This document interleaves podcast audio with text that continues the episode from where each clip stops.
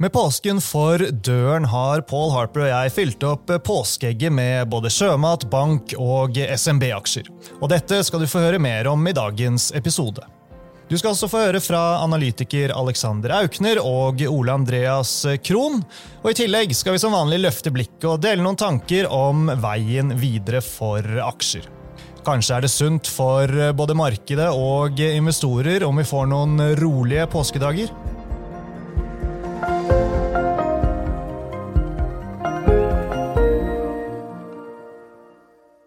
Velkommen til eh, Utbytte, DNB-podkasten der vi forklarer hva som skjer innen globale økonomien og finansmarkedene. Jeg er Marius Brun Haugen, og med meg har jeg aksjestrateg Paul Harper. Hei, Paul. Hei, Marius.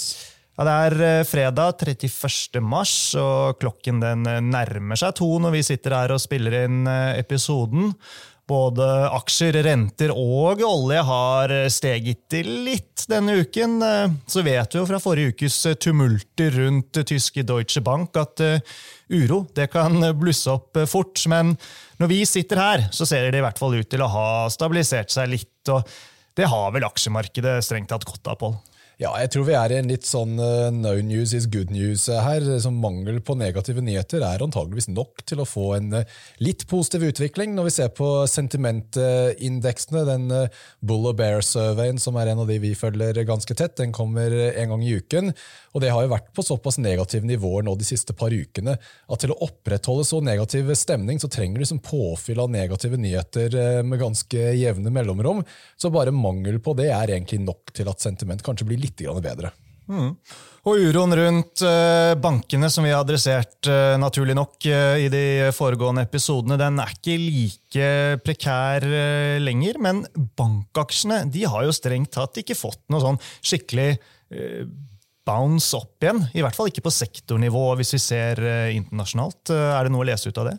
Ja, jeg synes Det er litt interessant, for det er jo ofte sånn at uh, hvis det blir mye frykt rundt en eller annen sektor, og så får du noe relief uh, etter det, så får du en vedbunn i den aktuelle sektoren og en uh, ganske sånn solid rebound opp. Men som du sier, så har vi egentlig ikke sett det i bankaksjene. så Det har jo vært mer litt sånne type megacap fang-aksjer, sånne type Amazon og Apple og sånne type selskap som har hatt en grei rebound. og Jeg vil ikke si at det er helt en sunnhetstegn, for det de har til felles, er at det er sånne type megacap-aksjer med sterk balanse og en slags underliggende vekstprofil. Så de er egentlig litt sånn defensive i, i stilen. Så hvis eh, bankaksjene hadde fått en, en, rebound, så hadde det vært litt lettere å egentlig tenke at nå er alt dette bak oss. Men når det er heller litt mer defensive ting som eh, fungerer bra, så er det ikke like lett å komme til samme konklusjon. Mm. Hvis vi ser uh, her hjemme, så står jo uh, bankanalytikeren vår Håkon Astrup på at norske bankaksjer er billige hvis du ser på prising, eller i hvert fall attraktivt priset, og at de er i sunnere forfatning enn mange av de internasjonale bankene. og Det er jo to veldig gyldige poenger. Samtidig så er det jo vanskelig å ikke være litt skeptisk da, til at de raske rentehevingene ikke skaper utfordringer som ennå ikke er kommet til overflaten her hjemme også? Ja, det er nettopp den timing-effekten. For det er jo kjent at når sentralbanken setter rentene opp, så merker man ikke den effekten umiddelbart. Det tar gjerne sånn 6-18 måneder før eh, hele den effekten er eh, liksom jobbet seg gjennom systemet. Så det er for tidlig å egentlig konkludere med at dette går, går helt eh, bra. Men på den andre siden, når vi ser på disse bankene, så er de attraktivt priset. sånn Mellom 8 og 9 ganger PE er ikke noe, noe spesielt dyrt, og du har 6-7% direkteavkastning og fremdeles ikke noe eh, mer enn vanlig når det gjelder eh, lånetap. Så er det egentlig den lånetapdelen som er litt eh, jokeren her. at liksom Klarer vi å komme oss igjennom de neste, neste kvartalene uten noe, noe, særlig lånetap, så blir det jo egentlig vanskelig da å argumentere for at sektoren er noe, noe dyrt. Men det er nettopp det at lånetap kommer litt sånn plutselig og uforventet. Det er jo ikke sånn at analytikerne nødvendigvis er så gode til å spå helt når det slår til. Så jeg tror det er det som er litt eh, utfordringen. at det, det, ser jo alltid bra ut like før det smeller. Så eh, det at det ser greit ut nå, er ikke nødvendigvis noe garanti for at det ikke kan eh, være mer ruglete fremover. Nei da. Og så skal vi jo huske på da, at tidshorisont på investeringene her spiller en vesentlig rolle. Historisk så har jo bank vært et veldig hyggelig sted å være investert over tid. Ja, så i hvert fall Norske sparebanker har jo gitt fantastisk avkastning når du ser på en litt lengre tidshorisont. Så Poenget her er egentlig det at bank er ikke noe du skal eie når du er på vei inn i en resesjon, men det er noe du kan eie over syklusen totalt sett, og noe man absolutt skal eie når eh, man begynner å se lys i, i tunnelen og på vei ut av en resesjon. Ja. Og om det blir en uh, rolig påskeuke i uh, aksjemarkedet, det er jo snart uh, påskeferie, det gjenstår jo å se. det skjer en del neste uke også, altså i selve påskeuken. Selv om det bare er to og en halv eh, handledager på Oslo Børs. Eh, I USA så er jo markedet åpent alle dager utenom eh, langfredag. og Vi får en del interessante makrodata, Pål. ISM for industrien på mandagen, for tjenestesektoren på onsdagen fra USA, og ikke minst så er det jobbrapporten da, som kommer fredag i neste uke, når alle markeder er stengt. Eh, og her hjemme så har vi også tall for eh, prisveksten, som jo fortsatt er et eh, aktuelt tema. Det kommer på tirsdag, mens børsen fortsatt er åpen. Men poenget mitt er at når markedet åpner igjen tirsdag 11. april, etter å ha vært stengt en del dager, da kan det ha skjedd en god del med både renteforventningene og det kan ha vært bevegelser i USA som vi trenger å fordøye. Ja, da, Det kan godt hende at uh, børsen åpner uh, enten opp eller ned, uh, prosentpoeng opp eller ned. Så, som du sier, det er, det er mye viktige makrotall som kommer neste uke. Og spesielt payrolls er jo gjerne den rapporten som kanskje er det som får aller mest oppmerksomhet hver måned. Og Det blir spesielt interessant der å se både hvordan average hourly earnings utvikler seg, for det er det som kanskje er mest drivende for underliggende inflasjon. så Det er et viktig tall å, å se på. Men så kom jo arbeidsledigheten litt opp eh, forrige måned. Ikke noe sånn dramatisk eh, på noe vis, og egentlig på en, en god måte i form at det var en økning i arbeidsstyrken, heller at det var en nedgang i, i jobber. Men liksom, hvordan den dynamikken eh, fortsetter, blir også ganske spennende. For eh, vi vil jo egentlig se at ledigheten går opp litt, men ikke veldig mye. Men problemet er at når man ser på historikken, så er det egentlig ikke veldig mange tilfeller hvor akkurat det har skjedd. Når det først begynner å bevege seg oppover, så har det en tendens til å fortsette oppover. Så det er ikke sånn at vi kan egentlig konkludere altfor mye um, ut ifra disse tallene, men hvis det skulle bli en stor økning i, i ledighet, så er nok det grunn nok til å, å bli litt bekymret når det gjelder utvikling i økonomien. Ja. Hva er eh, status på eh, rentesiden da når vi eh, går inn i påskeuken? Den amerikanske tiårsrenten ligger på i overkant av 3,5% når vi sitter her. Sentralbankene hevet jo i forrige uke, så renten er oppe i 5% i USA. Hva, hva er forventningene nå? Ja, så Det som ligger i de Fed Funds futurene, er uh, ca. 60% sannsynlighet for at det kommer en uh, ny renteøkning i mai-møtet. Det har jo kommet opp en del nå i løpet av den siste uken. Så er uh, det faktisk vært en del endring i forventninger. så Renteforventning ble presset noe voldsomt ned for, en uke siden. Nå når du ser på hva som ligger i prisene for januar til neste år, så er det faktisk en 50 punkter høyere nå enn det var for bare de fem eller syv dager siden. Så, så, det har vært en viss normalisering, kan du si, eller at renten har kommet noe opp igjen etter den nedgangen. Si det er kanskje litt av utfordringen man har nå for en markedsrekyl, er at eh, med mindre inntjeningsestimatene begynner å, å, trekke oppover, og trenden er jo egentlig fortsatt negativ på, på, inntjening, så må man da antageligvis eh, jobbe litt imot at rentene begynner å trekke litt tilbake. For unngår man eh, resesjon, eller at det i hvert fall går relativt greit i økonomien, da er det egentlig ikke noe grunn til å tro at rentene skal kuttes så mye som er priset inn eh, akkurat nå. og Det er klart det, det blir jo en motvind for, eh, for, aksjer hvis det skal tilbake igjen. Mm.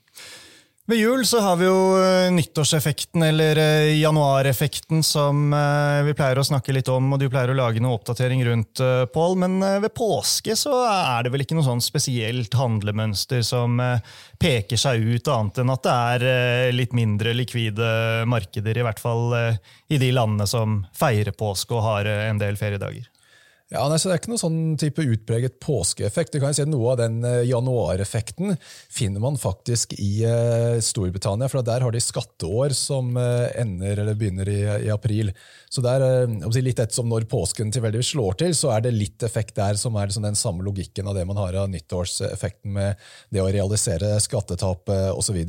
Um, men hvis vi ser mer på si, nordiske aksjer og sånt, så nærmeste vi kommer er egentlig den sell and may and go away, men det er litt tidlig å begynne å, å snakke om uh, det i, allerede nå. Ja. Det der minner meg om en analytikervits, Paul, som jeg pleier å fortelle i påsken. Har du hørt om analytikeren som gikk høyt ut til kundene med en anbefaling rett før påske, men så bommet han helt på utviklingen i markedet? Jeg blir litt, litt, bekymret når du skal komme med en vits her, så du, han, han, han, måtte krype til korset? Ja, veldig bra. Får se om den klarer å snike seg gjennom humorredaktøren i DNB. Han har kanskje litt travelt nå de neste timene. Ja, Det spørs om den, var så, om den var så dårlig og tørr at den rett og slett ikke kommer gjennom redigeringen. Altså. Men ok, vi får bygge en bro til neste tema. Vet du hvem som visstnok spiser eh, ekstra mye røkelaks i eh, påsken? Det vet jeg heller ikke, men du har sikkert en vittig, vittig nei, forklaring. Nei, nei, den er ikke spesielt morsom. Det er tyskerne. Eh, jeg leste det når jeg googlet i går. Jeg har ikke dobbeltsjekket disse faktaene. Altså. Men Tydeligvis så er de eh, ekstra glad i å kose seg med røkelaks eh, i eh, påske, påsketider. Men lakseaksjene det er poenget, Pål. De har vært i vinden denne uken. For tirsdag la regjeringen fram sitt justerte forslag etter høringen som har vært. Det var 35 grunnrenteskatt, økt produksjonsavgift, et normprisråd som skal komme på banen etter hvert. og og så er det ikke grunnrenteskatt på overskudd på inntil 70 millioner eh, kroner. Så for å eh, sette alt dette i eh, perspektiv, så fikk sjømatanalytiker Alexander Aukner til å stikke innom studio tidligere i dag for å få hans vurdering rundt situasjonen med grunnrenteskatten. Ja, det har vært uh, mye snakk om skatt de siste par månedene, og vi har brukt mye tid og krefter på å prøve å tolke hva som kommer til å skje, og hvordan folk kommer til å eh, reagere, og hvordan politiske partiene kommer til å posisjonere seg. og For å være så ærlig å si at det meste av de tankene vi har hatt, har dessverre vist seg å være litt feil. Eh, regjeringen har gjort mange ting som, som, de færreste egentlig så, så for seg det forslaget som kom, det, det var jo ikke voldsomt uh, forskjellig fra det som først ble foreslått.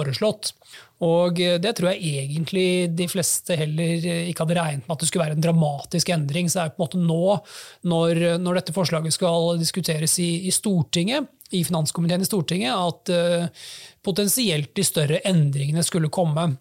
Og Her var det jo egentlig en forventning om at Høyre skulle komme inn som en, eh, en reddende engel og, og, tvinge ned grunnrenteskatten ganske, ganske betydelig. Og, og, Der er det jo en interessant eh, vinkling. og det er jo at Høyre på sitt landsmøte har jo egentlig sagt at de ikke kommer til å støtte grunnrenteskattmodellen. Uh, og det, det, byr på problem, for jeg tror det er veldig vanskelig for regjeringen uh, å gå bort ifra grunnrenteskatt som modell. Så sånn som vi tolker det, så har egentlig regjeringen bestemt seg, unnskyld, ikke regjeringen, men, men Høyre bestemt seg for å stå utenfor et bredt forlik. Og har jo til og med ymtet frampå at de kan reversere eller endre skatten hvis de kommer til makten i, i 2025. Så sånn som vi ser det, så er det nok mindre sannsynlig at det blir et et, et voldsom reduksjon i grunnrenteskatten som følge av det som skal skje på Stortinget, ettersom regjeringen heller kommer til å gå mot eh, budsjettpartner SV og, og Venstre og KrF. Det fins jo noe potensial for, eh, for, ytterligere softning, men eh, ikke, ikke, voldsomt mye. Og Det er jo grunnen til at vi nå legger inn 35% grunnrenteskatt. Vi tror ikke at det blir verre enn det som er foreslått. Og så får det heller være litt oppside hvis, hvis det skulle komme noe, noe ytterligere oppmykning i, i disse stortingsbehandlingene. Ja, Én ting er eh, at det hele rundt grunnrenteskatten er eh, negativt. Men en annen ting er markedets eh, situasjon rundt tilbud og etterspørsel. Og det faktum at prisene er på høye og det vi må kalle hyggelige nivåer. Og dette bidrar positivt. Ja, eh, jeg tror et, eh, et, viktig poeng her er jo at Selside, altså analytikerne spesielt, har jo vært veldig veldig fokusert på, på grunnrenteskatten, og, og, av god grunn. Altså Utfallsrommet på 15% skatt versus 40% skatt er jo enormt. Eh, og så har man nok glemt litt det fundamentale, hva som har skjedd på, på mm, supply demand-siden, og også hva som har skjedd på, på valutasiden. Og det vi har sett så langt i år, er jo laksepriser som er eh, fantastisk mye høyere enn det vi hadde sett for oss. Eh, vi er jo på 120-120 kroner pluss. Og eh, de som husker tilbake, kan kanskje huske at de siste to-tre sektorrapportene vi har hatt, så har vi tatt ned tilbudssiden. Men ikke justert opp prisen like mye, fordi vi har vært redd for det resesjonen. Og det vi egentlig nå ser, er jo at etterspørselen ser ikke ut til å ha hatt en veldig stor Eh, eller resesjonen har ikke hatt en veldig stor negativ påvirkning på, på, etterspørselen. sånn som vi ser det.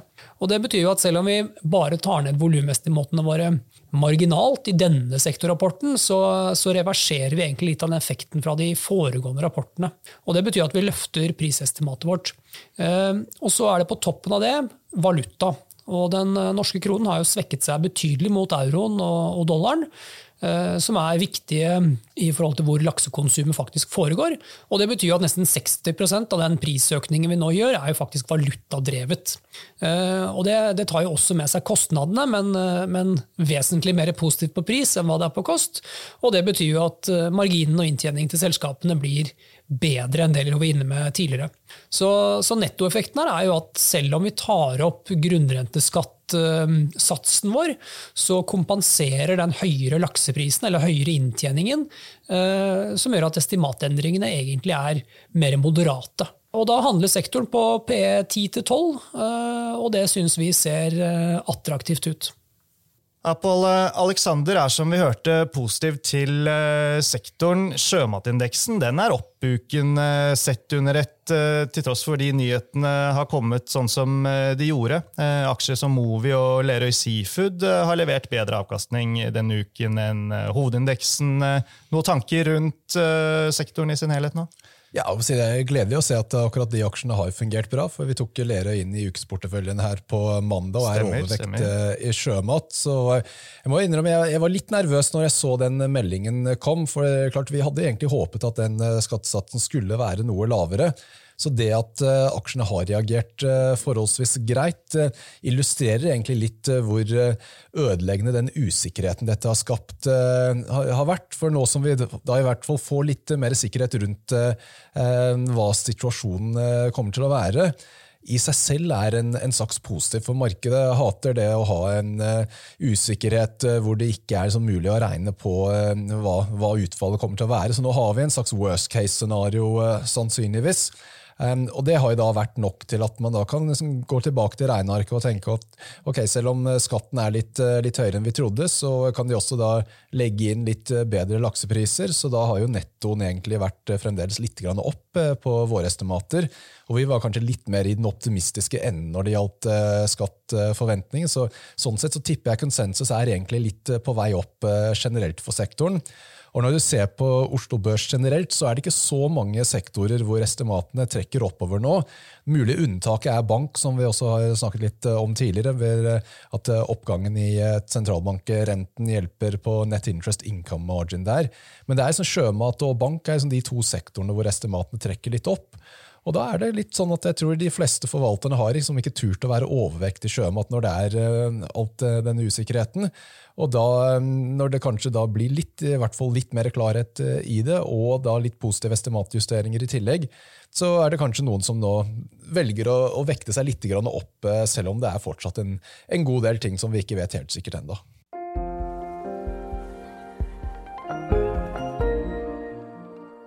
Onsdag denne uken arrangerte DNB Markets den årlige konferansen for små og mellomstore børsnoterte selskaper. Selv så fikk jeg ikke med meg så mye fra konferansen denne gangen, dessverre. Men jeg fikk analytiker Ole Andreas Krohn inn i studio tidligere i dag for en oppsummering av høydepunktene. Det vi kan si, det er at uh, vi, som sagt, vi hadde rundt 40 selskaper inne på uh, konferansen. og Det er 19. gangen vi har denne konferansen. og Det som kanskje vi kan ta med oss, det er at stemningen helt klart har snudd litt i forhold til de konferansene, de arrangementene vi har hatt de siste, i hvert fall de siste to årene. Og Det er både når det gjelder selskapene og ledelsen i selskapene, og også jeg si, hos investorene der hvor det var kanskje mer fokus på vyer og utsikter og hva som skulle skje i 2025 og frem mot 2030, eh, eh, ved de foregående arrangementene, så er det nå mer snakk om å prioritere de nærmere tingene og, og, og også vektlegge mer inntjeningen på kort sikt. Altså inntjeningen som nå er helt klart i fokus, og også da den kortsiktige inntjeningen. Og, ikke, og faktisk også litt på, på bekostning av vekst som, som, mål. Det er ikke helt unaturlig i dagens eh, finansmarked, der terskelen for å levere er kanskje hevet noe, og samtidig er fallhøyden blitt uh, blitt større for de som ikke leverer, og dette ser også ledelsen i selskapene. Og også i og for seg er det tilbakemeldingen de får fra investorene. Man må si også at eh, de spørsmålene som kom fra salen denne gangen, var mer, eh, kanskje litt spissere, litt mer offensive. Eh, investorene stilte kanskje noe, virket i hvert fall noe bedre forberedt, og også, ja, da også noe mer utålmodige, rett og slett på at selskapene leverer. Så det vi kan ta med oss, det er at uh, nå gjelder det rett og slett å levere. Og da først og fremst på EBIT-DA-målene, som er det som ofte står i fokus. Og også fordelen for oss som følger uh, aksjene, det er at fokus på kortsiktig levering. Altså det 2023 som er det som gjelder i øyeblikket. Ja, Fokus på det nære og fokus på inntjening og lønnsomhet fremfor vekst langt frem i tid. Det stemmer jo bra med det vi ellers ser og hører det på. Ja, jeg tror det er en fornuftig holdning eh, å ha. Når det er usikkerhet eh, rundt eh, makrobildet, så er det det aller viktigste er å sørge for at man i det hele tatt overlever når det er litt, litt ruglete. og Da er det sånn viktig å heller kanskje ha fokus på å ikke gjøre de store feilene, heller enn å prøve å være veldig fremoverlent og, og prøve å være altfor risikovillig. Så jeg tror det er egentlig en, en fornuftig tilnærming som de fleste har her. Mm. OSSX-indeksen den er opp uh, denne uken. Uh, den uh, fikk seg jo et lite tur ned under bankuroen tidligere i mars, men den er jo faktisk opp 5 så langt i år, der OCBX da, er flat til sammenligning. Så, så ille har det ikke vært å være investert, hvis vi ser på da, en kurv av disse små og mellomstore selskapene. Ja, Det ser litt eh, bedre ut der. og eh, Noe av forklaringen er at uh, Equinor selvfølgelig ikke er i den small cap-indeksen. så Når du har en veldig stor aksje som har falt en god del i år, så, er det klart det, det merkes litt da, på, på, den indeksavkastningen. Det er vel det samme med Aker BP også. så En, en del av de som tungvekterne som har, har falt i år, gjør at når du bare ser på de small cap-selskapene, så blir gjennomsnittsavkastningen noe bedre. Mm. Skal vi gå over til uh, Schibsted? De uh, tenkte jeg også vi skulle nevne denne uken. Uh, her gjentar analytikeren vår på caset, Ole Martin Westgård, kjøpsanbefalingen kursmål 300, men markedet likte ikke det de fikk servert på kapitalmarkedsdagen tidligere denne uken, Pål. Det kan vi slå fast.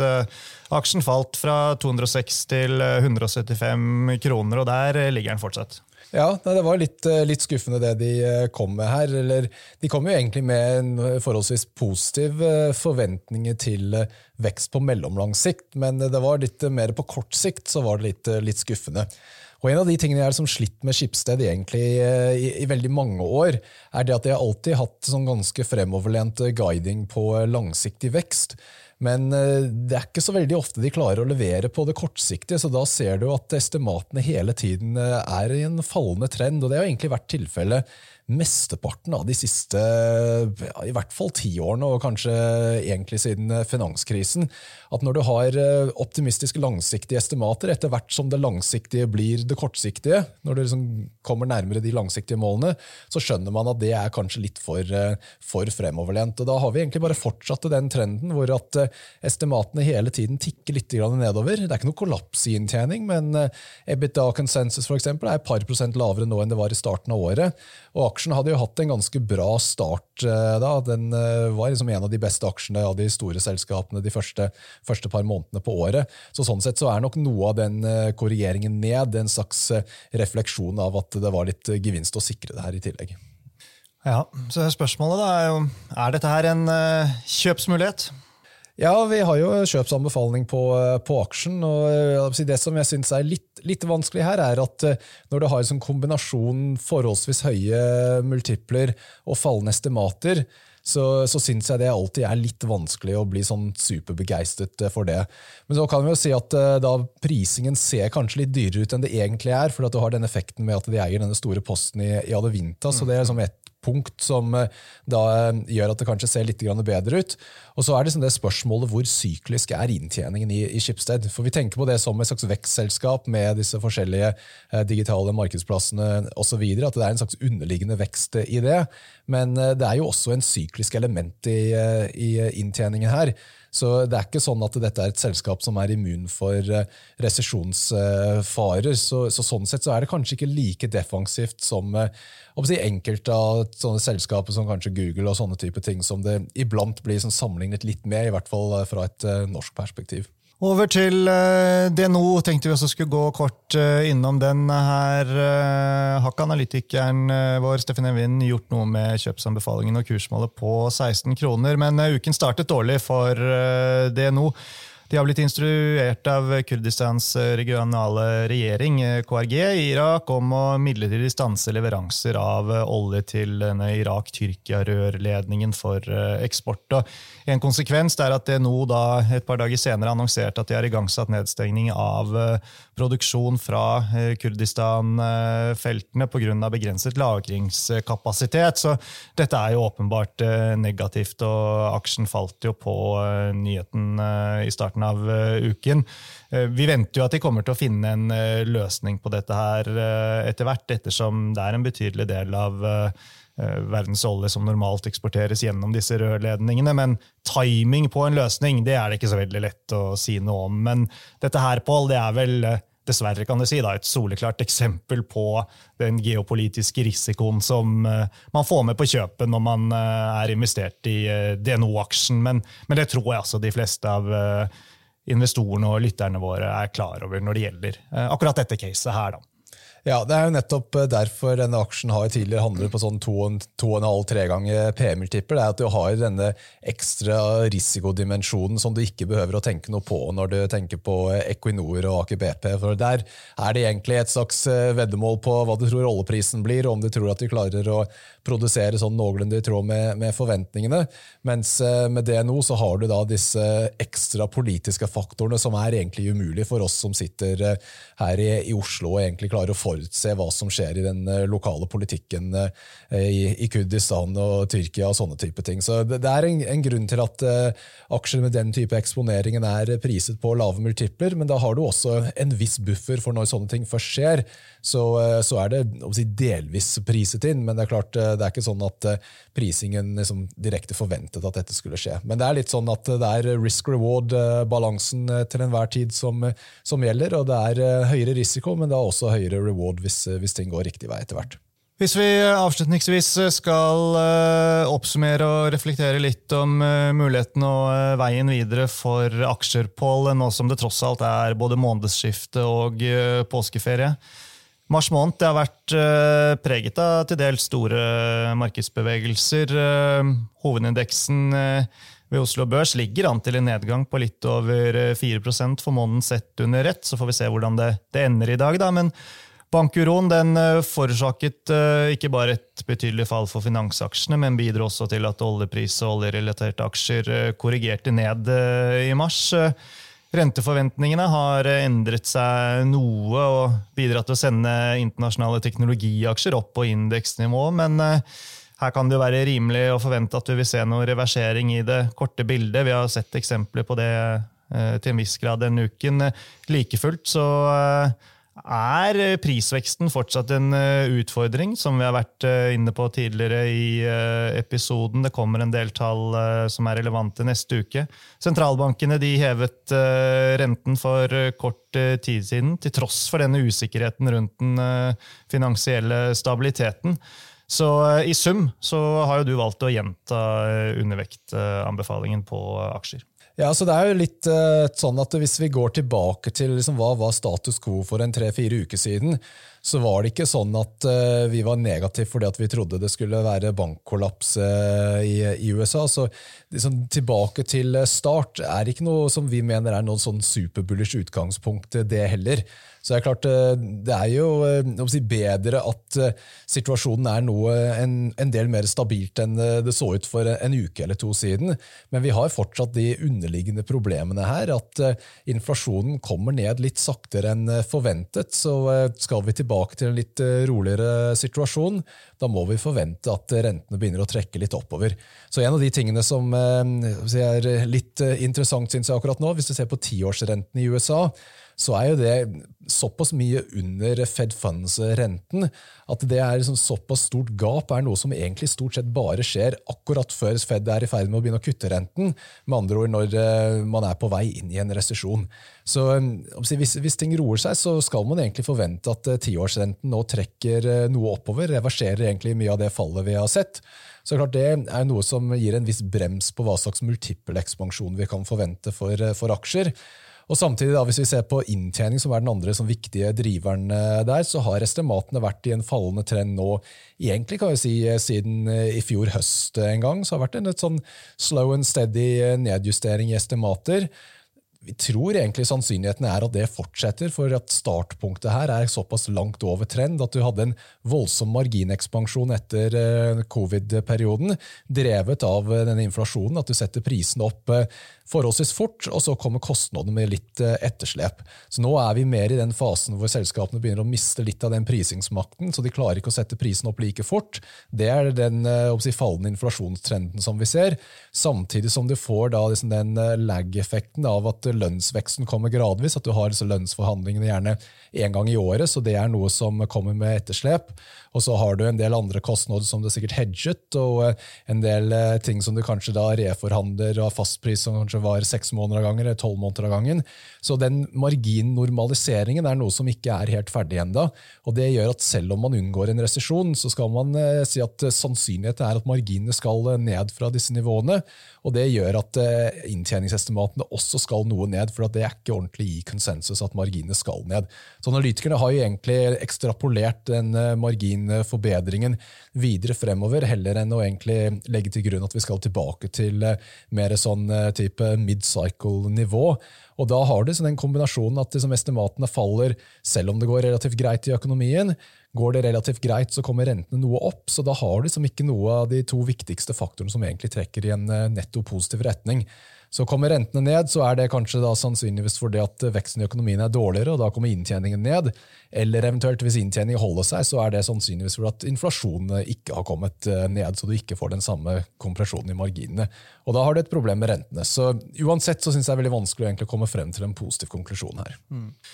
Den svake norske kronen, Pål, det er ikke noe vi har adressert så eh, mye hittil i eh, år. Alexander Aukner nevnte jo at det har betydning for anslaget hans i forhold til lakseprisen. og generelt så, så, er det vel sånn at i sum for den delen av de eksportrettede aksjene på Oslo Børs, som det jo tross alt er et flertall av, så, så, slår det positivt ut med en svak krone. Hvordan, I hvilken grad hensyn tar du det når du tenker på, på veien videre? Jeg, prøver egentlig ikke å ta noe sånn type avgjørelse basert på en valutaforventning, for jeg syns valuta er såpass vanskelig å beregne at det er tar egentlig en slags anslag i at det skal egentlig bare holde seg omtrent eh, der det er nå. Så Det er klart det er jo stort sett eh, feil, men da er det ikke sånn at det er systematisk feil den ene veien eller den andre. Nødvendigvis. Og Som du sier, så er svak eh, krone noe som er positivt for Oslo Børs. Det er veldig mange selskap som rapporterer tall i dollar, stort sett som alle energiselskapene. Og så har du shippingselskapene og en del råvareselskap, så da blir liksom kroneverdien av de dollarene noe høyere. Hvis eh, dollaren blir eh, sterkere, som det har blitt nå, så hadde det ikke vært for valuta, så hadde børsen sett eh, noe dårligere ut nå enn det har gjort tidligere. Så du får liksom gitt hjelp på, på, den måten av at er det litt, litt ruglete, så blir det gjerne sånn at kronekursen svekkes litt. Men da får du liksom litt kompensasjon da med den type naturlige hedgen som man har i, på Oslo Børs med den valutaeksponeringen. Jepp. Når vi er tilbake fra påskeferie, Pål, da har vi som sagt en del ny eh, informasjon å eh, fordøye. Men eh, inntil det så Ja, jeg har ikke flere dårlige vitser, altså, Pål, men det, det er kanskje like greit? Jeg er veldig tvilende til at du ikke har flere dårlige vitser, men det er kanskje så dårlig at du tør ikke å uh, si det høyt. Ja, Det er nok noe med det. Det betyr det at vi har kommet til veis ende for uh, i dag, så det gjenstår bare å si tusen takk til deg, Pål, og ikke minst alle dere som lytter. Liker du podkasten, så vil vi gjerne at du legger igjen en kommentar eller gir oss en hyggelig rating. Og dersom du har ønsker om gjester vi skal invitere, temaer vi skal ta opp eller aksjer vi skal kommentere, så kan du sende oss en mail på utbyttepodden at dmb.no. Ha en riktig god påske, folkens.